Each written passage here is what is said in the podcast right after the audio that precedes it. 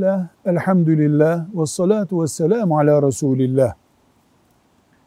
Kur'an-ı Kerim'de ve hadisi şeriflerde geçen gömlek kelimesi bizim gömleklerimizden biraz farklıdır.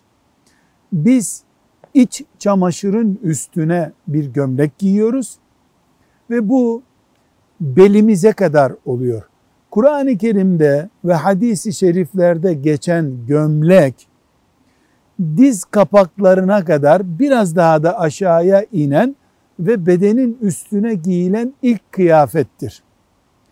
Bu sebeple bizde biraz daha şekli değişmiş ama gömlek aynı gömlektir diyebiliriz. Peygamber Efendimiz sallallahu aleyhi ve sellem gömlek giymiştir. Bu tarif ettiğimiz gömleği. Ashab-ı kiram giymiştir. Yusuf aleyhisselam zamanında giyildiğini, onun da giydiğini görüyoruz. Ama bu bir örftür. İslam'ın ve sünnetin olmazsa olmazlarından biri değildir. Dolayısıyla gömlek Peygamber aleyhisselam efendimize benzerse hoş olur ama gömleğimiz ona benzemedi diye sünnetin dışında olmuş olmayız. Velhamdülillahi Rabbil Alemin.